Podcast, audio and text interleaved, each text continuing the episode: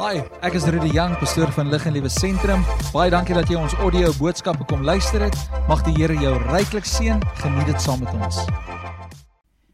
Dit is vir my 'n voorreg om vandag die boodskap of die woord met julle te bedien of aan julle te bedien aan die gemeente, aan Lig en Lewe familie.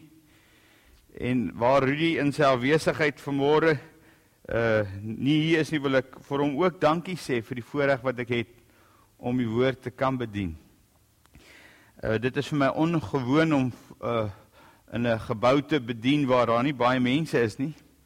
Maar ek glo dat gelukkig weet ek dat die Heilige Gees is alomteenwoordig en dat die Heilige Gees ook daar waar jy ver oggend is uh in jou in jou huis met jou gaan praat vanmôre En hy gaan vanmôre met jou deel rondom dit wat hy vanmôre wil losmaak in jou lewe.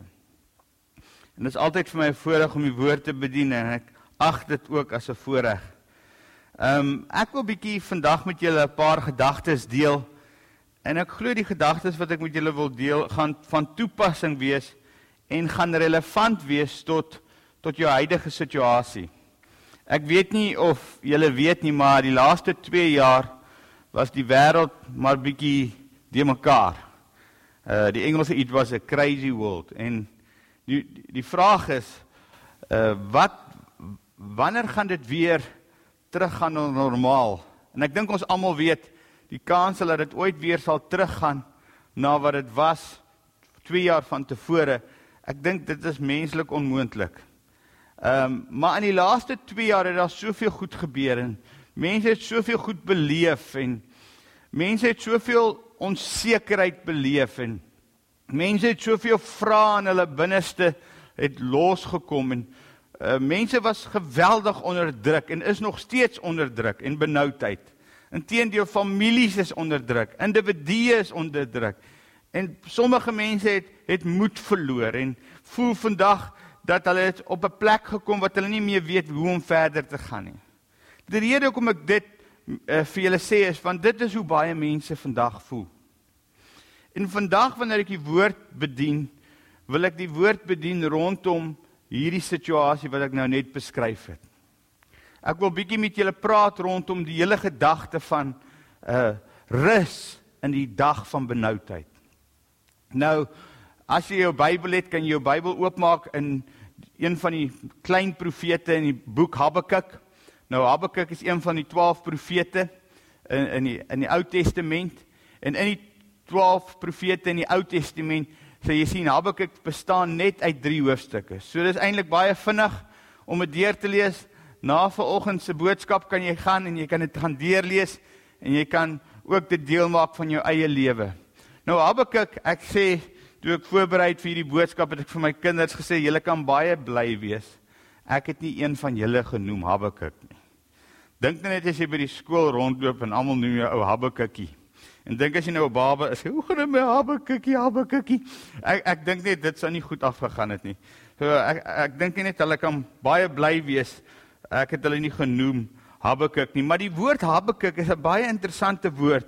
Die woord Habakuk beteken om vas te kleef of om vas te hou. Dit beteken om 'n uh, 'n dis iemand wat wat wat wat wat nie kan laat los nie. Nou dis wat Habakuk, dit beteken om to embrace, dit beteken om vas te maak en jou eie te maak. Nou Habakuk was een van daai mense. Habakuk, die profeet, ons weet nie baie van waar hy vandaan kom nie in die boek Habakuk weet ons ook nie presies wanneer hy geskryf is nie. Ek weet min of meer die boek Habakuk is geskryf so 600 voor Christus, uh, dieselfde tyd toe Jeremia as profeet opgetree het.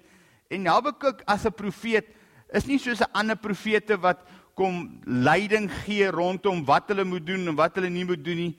Hy hy skryf eintlik uit sy eie lewenservaring of hy praat sê hy's eintlik in 'n dialoog en die hele Habakuk gaan oor 'n dialoog waar Habakuk sekere vrae vra vir God en hoe God hoe hy hierdie worsteling in sy binneste het rondom die lewe. Nou ek weet nie of ek met die regte persoon praat nie maar jy al 'n worsteling gehad in jou lewe rondom die lewe. Nou ek ek wil gou vir julle uit die boodskap vertaling wil ek gou vir julle hierdie lees. Hoor hierdie klagte van Habakuk. Here, dis vers 2 van Habakuk 1. Here, hoe lank moet ek nog roep dat U my help of dat U my moet help? Het jy al so gevoel? Here, hoe lank moet ek nog roep? Nou ek wil nou nie vir julle sê hoe lank het Habakuk ge, geroep nie, maar miskien moet ek dit vir jou sê, maar jy moet nou nie moederloos raak wanneer ek dit vir jou sê nie. Habakuk het vir 20 jaar lank die Here aangeroep. Vir 20 jaar lank het hy deur 'n worsteling gegaan rondom dinge wat gebeur met hom en met die Here se mense.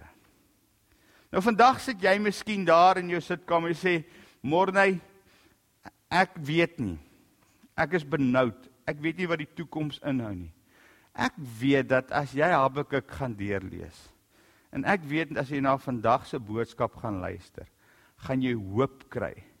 Jy gaan weer 'n gevoel kry van daar is iets om voor te lewe. Al voel jy ver oggend miskien dat jou rug is teen die muur. Nou in hierdie gedeelte wil ek ver oggend met julle praat oor rus in die dag van benoudheid. Dis my tema vir môre. Rus in die dag van benoudheid. Nou as ek praat oor rus in die dag van benoudheid en waar Habakuk 'n regte vasbyter is, wil ek vanmôre oor drie fases praat wanneer 'n mens verlies beleef in jou lewe. Ek wil praat oor drie fases. Rus in die dag van benoudheid en ek wil praat oor die drie fases wanneer 'n mens verlies beleef in jou lewe. En in die afgelope 2 jaar het baie mense verlies beleef. Sommige mense het finansiële verlies beleef. Dinge wat jy nie beplan het nie. Ek dink geen mens was voorberei rondom wat heidaglik homself afspeel op die aarde nie. Sommige mense het mense verloor aan die dood wat naby hulle was. Dis verlies. En dis baie moeilik om verlies regtig te kan verstaan. Miskien is jy een van daai mense wat in die laaste 2 jaar verlies beleef het. Of dit nou materialistiese verlies is en of dit nou is dat iemand aan die dood afgestaan het dat jy verlies verlies beleef het.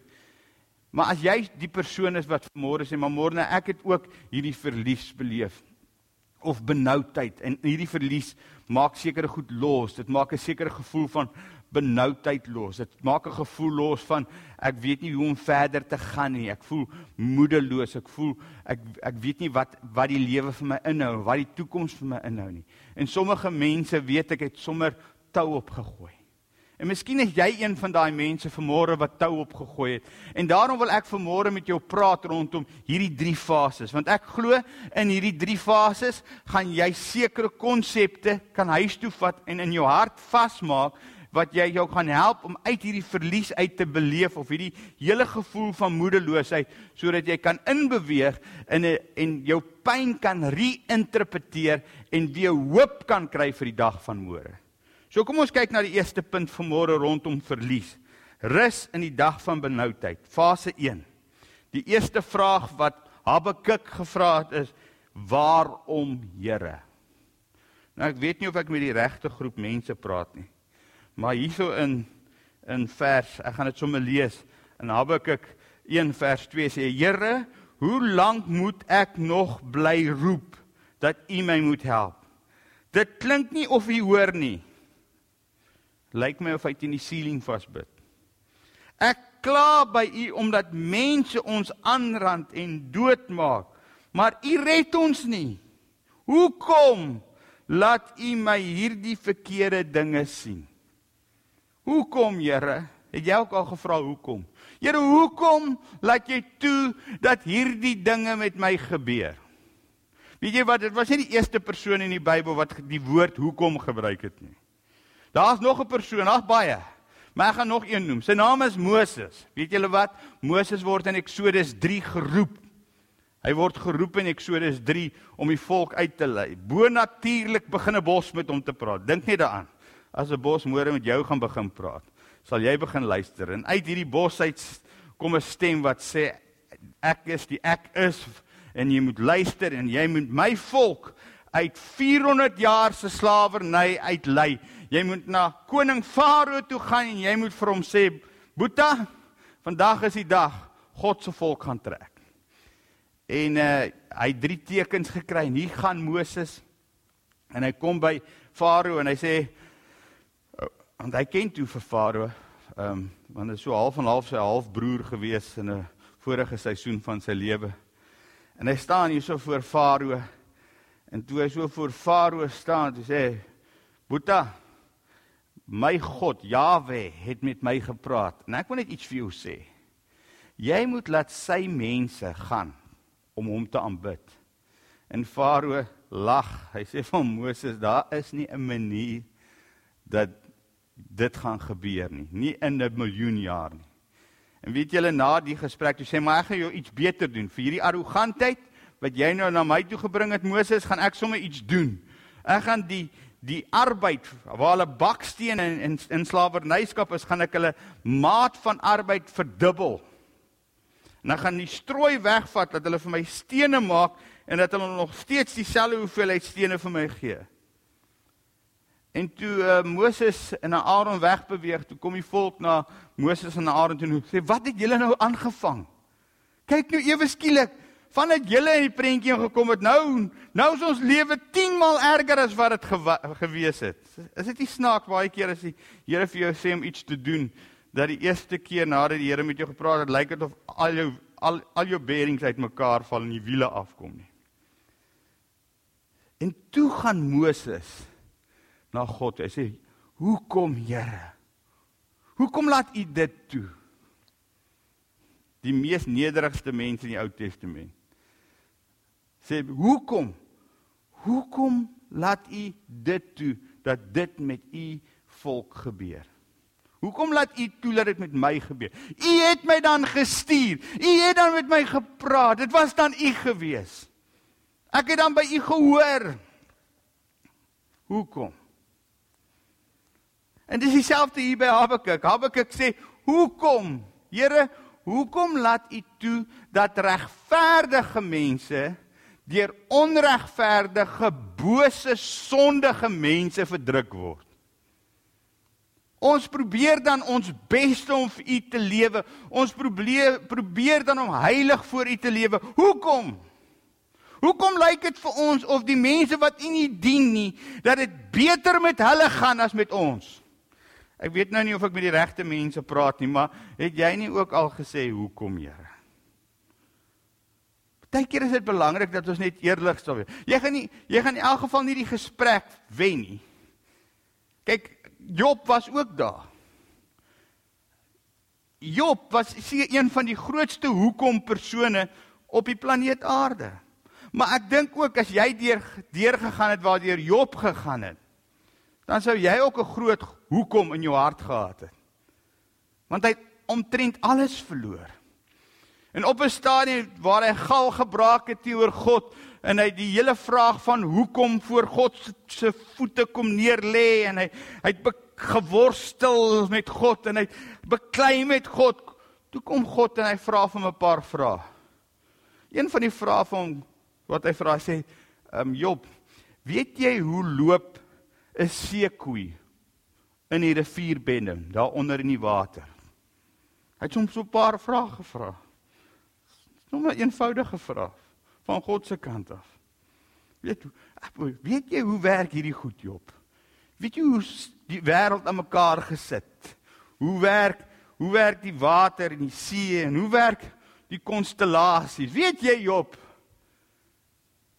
En toe God vir hom dit vra, toe besef hy sy hoekom dra nie regtig baie waarde nie. sien, ehm um, Dit sê nie jy mag dit nie vra nie. Inteendeel, jy moet dit vra. En jy moet deur daai worsteling gaan van hoekom.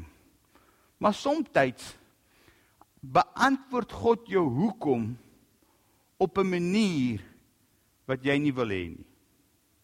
Nou kom ek verduidelik dit so. Hierdie hoekom was nogal interessant. Toe God hierdie hoekom beantwoord, toe sê hy vir vir vir, vir Habakuk die volgende, hy sê Nou kom ek antwoord jou. Die Here het toe vir hom, dis vers 5. Die Here het toe vir vir vir die mense van Juda gesê: "Hou 'n bietjie die ander volke om julle dop." En binnekort 'n groot verrassing vir julle. As iemand julle daarvan vertel, sou julle hom nie glo nie. Hier is dit. Ek maak die Babiloniërs die mag wat al die volke in die wêreld sal oorheers. Hulle reputasie is oral bekend. Hulle is 'n wrede en 'n woeste spul mense. Hulle stuur hulle soldate die wêreld vol en dan neem hulle die lande in. Nou wat hy eintlik hier vir vir Habakuk sê, Habakuk, kom ek antwoord jou hoekom? Ek gaan die Babiloniërs na julle toe stuur en hy gaan julle nog verder onderdruk. ek weet nie of jy in 'n moeilike tyd dit wil hoor nie. Ek wil nie hoor dat hier gaan dit nog erger gaan nie. Ek wil nou gehoor dat Here ehm um, die seëninge gaan uit die hemel uit los bars. En nou kom ek en ek hoor nog iets wat Here het U dan nie genade vir my nie. En ek dink in daai oomblik toe toe ehm um, Habakuk hierdie vraag gevra het in sy tyd van benoudheid. Ek dink op daai oomblik toe beleef hy o mens Nou weet ek nie hoe om verder te gaan nie. En toe gaan hy na die volgende vraag toe. Hy gaan toe van hoekom af na waarom?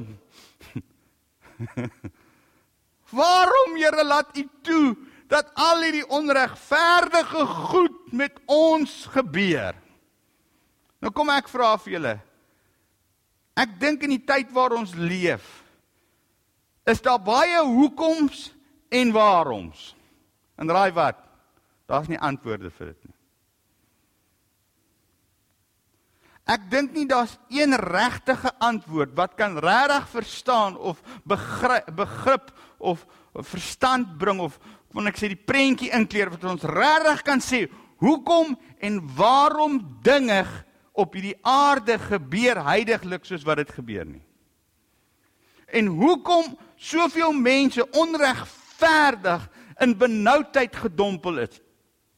En ek dink daar's soveel waaroms en hoekoms en soveel vrae wat in mense vas is wat sê Here en dis die volgende ding wat gebeur. Here, het U ons dan vergeet? Bid ons dan ter vergeefs. Ek hoop ek praat met die regte mense. Ons is nog hier. Here, ons weet U is in die hemel. Maar asseblief, gee ons net bietjie gap. Gee ons net bietjie gap, gee ons net so bietjie. Het jy het jy al gevoel waar jy een aand of een dag bid, waar jy Here asseblief gee net vir my bietjie 'n deur deurbraak. Laat ek net so bietjie kan asemhaal. En dis waar Habakuk was. Hy was in 'n plek van benoudheid. Benoudheid. Jy weet mos Dis tussen die vloer en die politoer. Dis benoudheid. Dis waar jy regtig nie weet wat om volgende te doen nie. So dit is die eerste fase van verlies. Die eerste fase van verlies is wat ons noem erkenning. Erkenning is waar jy erken dat jy weet nie wat is die antwoorde nie. Jy weet nie waarom en hoekom dinge met jou gebeur het nie. Maar toe gaan in Habakuk 2 en dis waar Habakuk 1 want onthou net Habakuk gaan oor drie hoofstukke. Habakuk 1 gaan oor dit wat ek nou net verduidelik het. Habakuk 2 gaan oor die volgende deel en ek weet Habakuk 2 die vers wat ek nou gaan lees word 3 keer in die Nuwe Testament uh eintlik aangehaal. En ek gaan dit lees Habakuk 1 vers 12 tot 13. en hy sê dit hierso. Hy sê u wat die rein is van oë om die kwaad aan te sien en die onreg nie te kan aanskou nie. Waarom aanskou u die trouelose?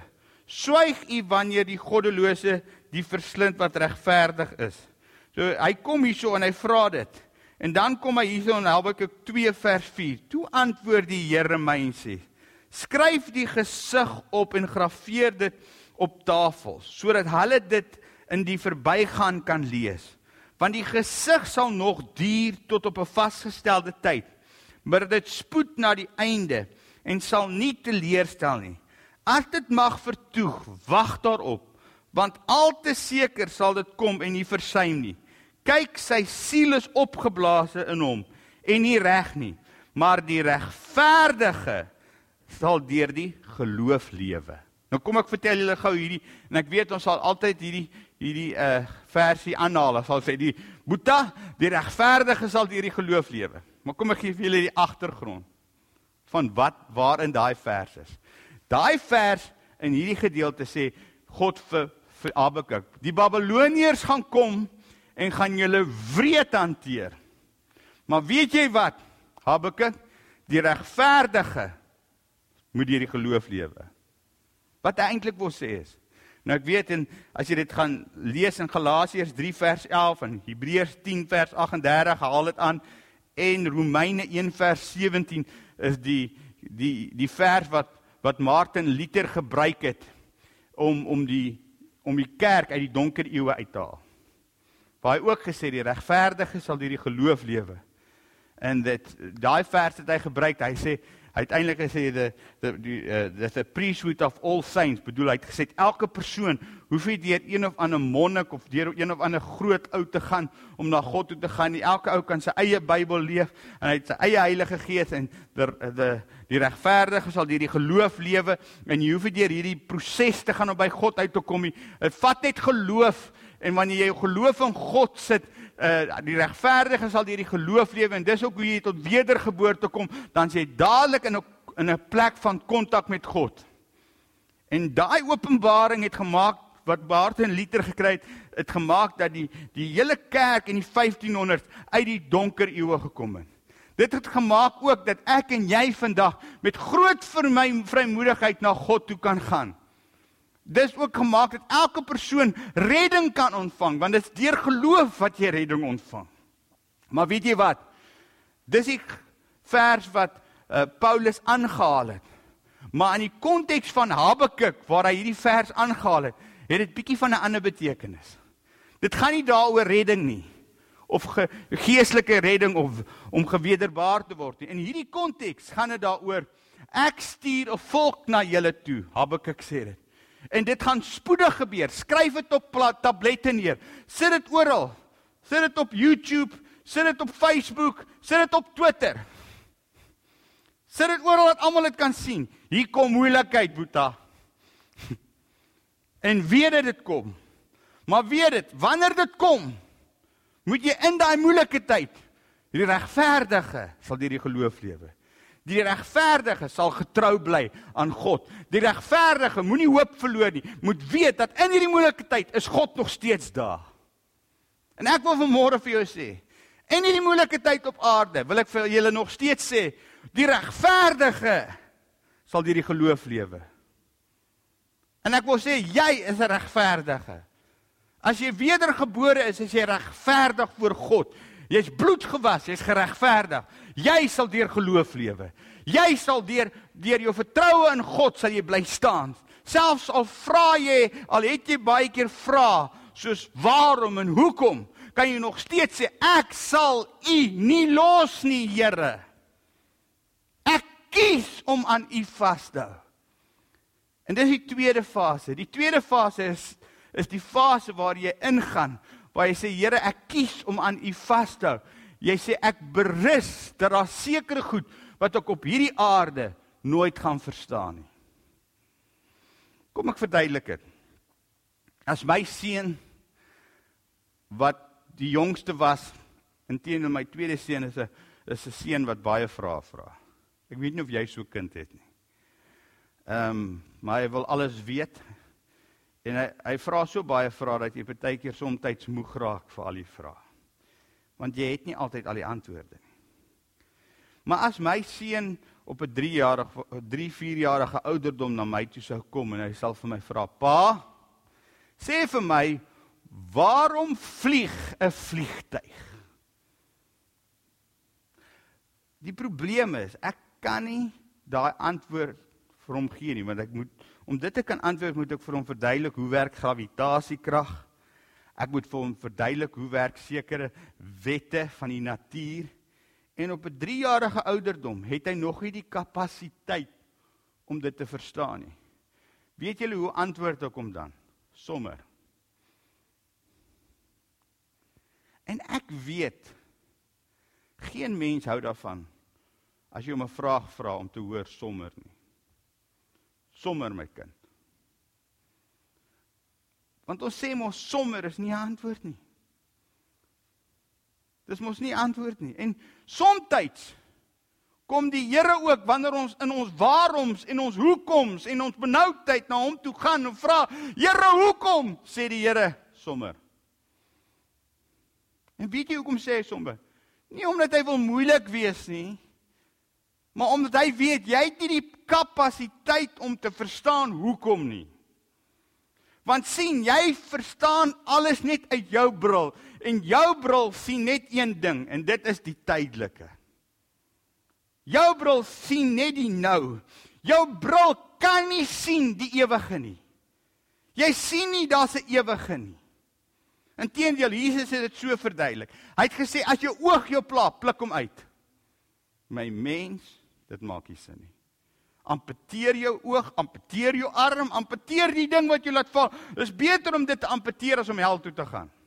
Dis wat hy sê. sien, Jesus het 'n heeltemal ander anderste perspektief oor die lewe as ek en jy. Maar sien, omdat ons so vasgevang het aan die nou, tyd, plek en ruimte en ons kan nie transcendent dink nie. Ons kan nie transcenderend dink buitekant plek, tyd en ruimte nie.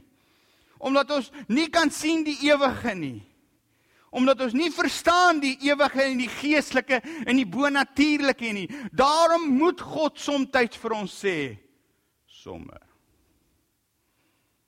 En dis wat Habakuk hier wil sê. Hy sê hy wil eintlik en en dis die tweede proses wanneer ons gaan rus in die dag van benoudheid. Is die tweede die tweede fase van hierdie proses is ek moet kom tot berusting dat daar sekere vrae is waarop ek nie antwoorde hoef te hê nie en ek kan nog steeds getrou bly aan God. Hier's van julle wat luister wat miskien iemand aan die dood afgestaan het. Of miskien het jy het jy goed verloor soos finansiële verlies beleef in die laaste 2 jaar. En jy het soveel keer gevra, wat het ek verkeerd gedoen? Ek wil vandag vir jou sê jy het niks verkeerd gedoen nie. Dit was nie jou sonde wat dit veroorsaak het nie. Sien daar was 'n ou in die Nuwe Testament ook wat hulle gevra het, hoekom is hy blind? Is dit van geboorte af, is dit sy ma en sy voorouers se sonde? En Jesus het gesê nee, dit is nie. Julle kyk, julle perspektief is is tydelik. Dit is nie sy ouers se sonde nie. Die rede hoekom hy blind is, is to show forth the glory of God.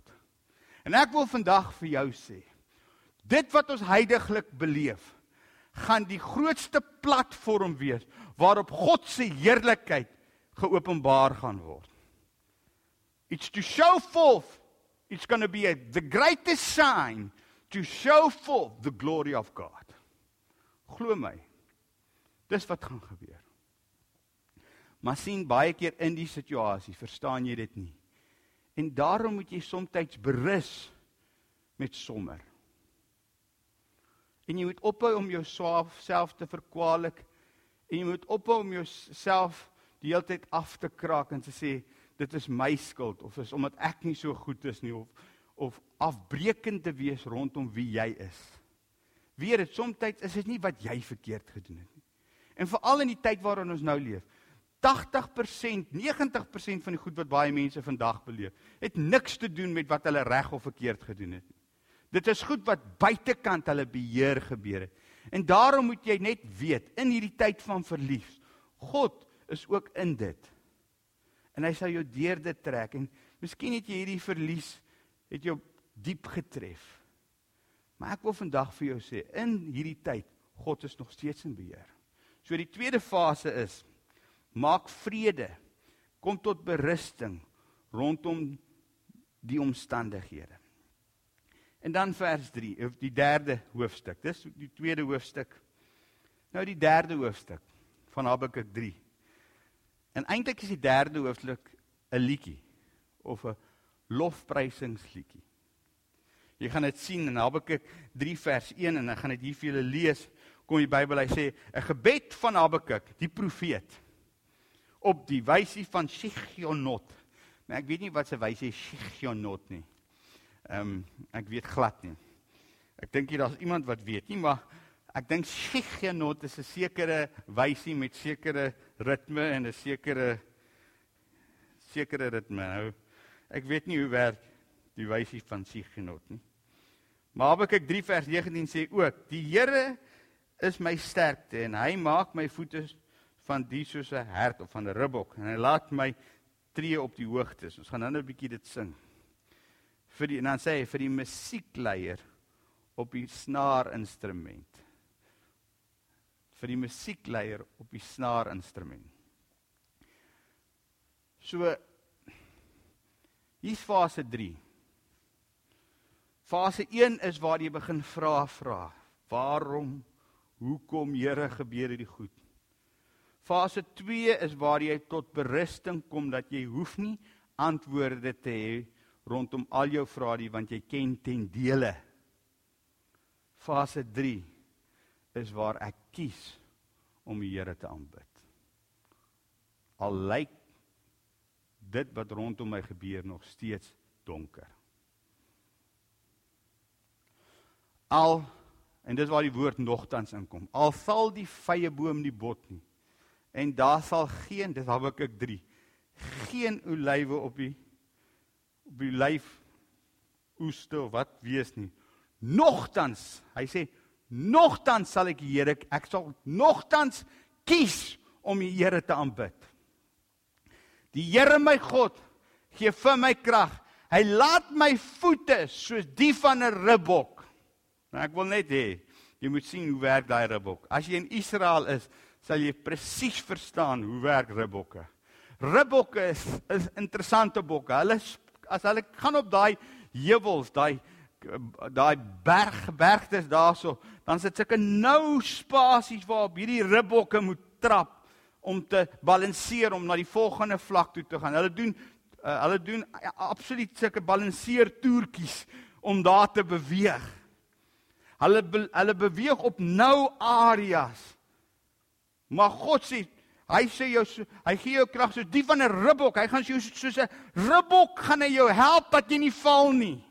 Dat jy nie struikel nie, dat jy deur hierdie moeilike tyd sal kom en aan die ander kant gaan uitkom.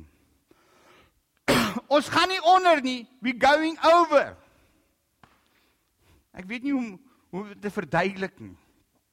En in hierdie laaste hoofstuk van Habakuk Habakuk 3 sê Habakuk al verstaan ek nie alles nie ek kies nou om die Here te aanbid ek oefen 'n keuse uit om die Here te loof in my dag van benoudheid en dit is die derde punt die derde punt ek kies om God te aanbid in my dag van benoudheid so vanmôre wil ek vir jou sê daar in jou sitkamer. Kies vanmôre om die Here te aanbid. Kies vanmôre om te sê nogtans.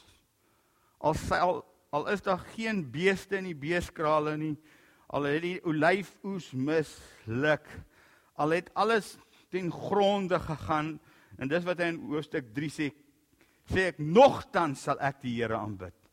En laat daar in jou binneste vanmôre 'n groot nogtans sal wees. 'n Nogtans wat sal uitroep: "Nogtans, Here, sal ek U nie los nie." Ek sal nie. Ek het gekies. Ek het gekies om aan U vas te hou tot aan die einde van die van dae. Dink net as jy daai nogtans uitroep in die dag van benoudheid, wat se kopseer gee jy vir die duiwel? Hy het sy beste kaart gegooi en gesê hierdie kaart is my troefkaart. En hierdie troefkaart gaan jou vir ewig vernietig en jy gaan jou geloof in God verloon. Hy gooi daai troefkaart. En jy in daai benoudheid sê al verstaan ek nie alles nie. Al is dit maak is alles nie vir my duidelik nie. Wil ek vir oggend sê met 'n groot ja in my binneste. Nogtans sal ek die Here aanbid. As jy dit vanmôre doen, wil ek vanmôre vir jou sê, dan is jy halfpad daar. Of amper sê 80% daar om deur te beweeg uit jou plek van benoudheid. En jy sal sien dat in in die tyd vorentoe sal die seisoen begin verander. En ek wil jou met hierdie woorde bemoedig. Lig en lewe familie. Ek wil vanmôre sê, laat daar vanoggend 'n nogtans in ons binneste opstaan. Kom ons bid saam. Vader, dankie dat ons vanmôre die woord kon hoor. En dankie dat ons kon hoor vanmôre dat U sê rus, dat ons moet rus in die dag van benoudheid. En dankie dat ons vanmôre kon hoor dat dat dat U nie die mens wees van 'n Habakuk weggesteek het vir ons nie. En dat selfs hierdie heilige profeet ook deur krisis vra en krisistye in sy lewe gegaan het. En dat U vir ons gewys het hoe hy ook geworstel het en 'n vasbyter was en aan God se beloftes bly vashou het. Maar ons sien ook, Here, hoe hy by 'n plek gekom het waar hy gesê het, Vader, ek kom by 'n plek in my lewe wat ek weet dat alles sal ten goeie meewerk. Ek rus in my benoudheid al het ek nie antwoorde nie. Maar Here dat ons ook kon sien vanmôre hoe hy deurgebreek het en gekies het om U te aanbid. Waar hy 'n keuse uitgeoefen het om te sê ek gaan kies om die Here te aanbid te midde van moeilike omstandighede. En vanmôre wil ek bid, Here, dat daar vanmôre 'n dat daar vanmôre 'n groot nogtans in lig en lewe sal opstaan, Here. 'n Groot nogtans wat sal uitroep vanmôre Nogtans sal ons die Here aanbid. En ek dank U daarvoor in Jesus naam. Amen. Baie dankie dat jy ons audio boodskap geluister het. Mag die Here jou ryklik seën. Besoek gerus ons webwerf by www.liginlewe.com.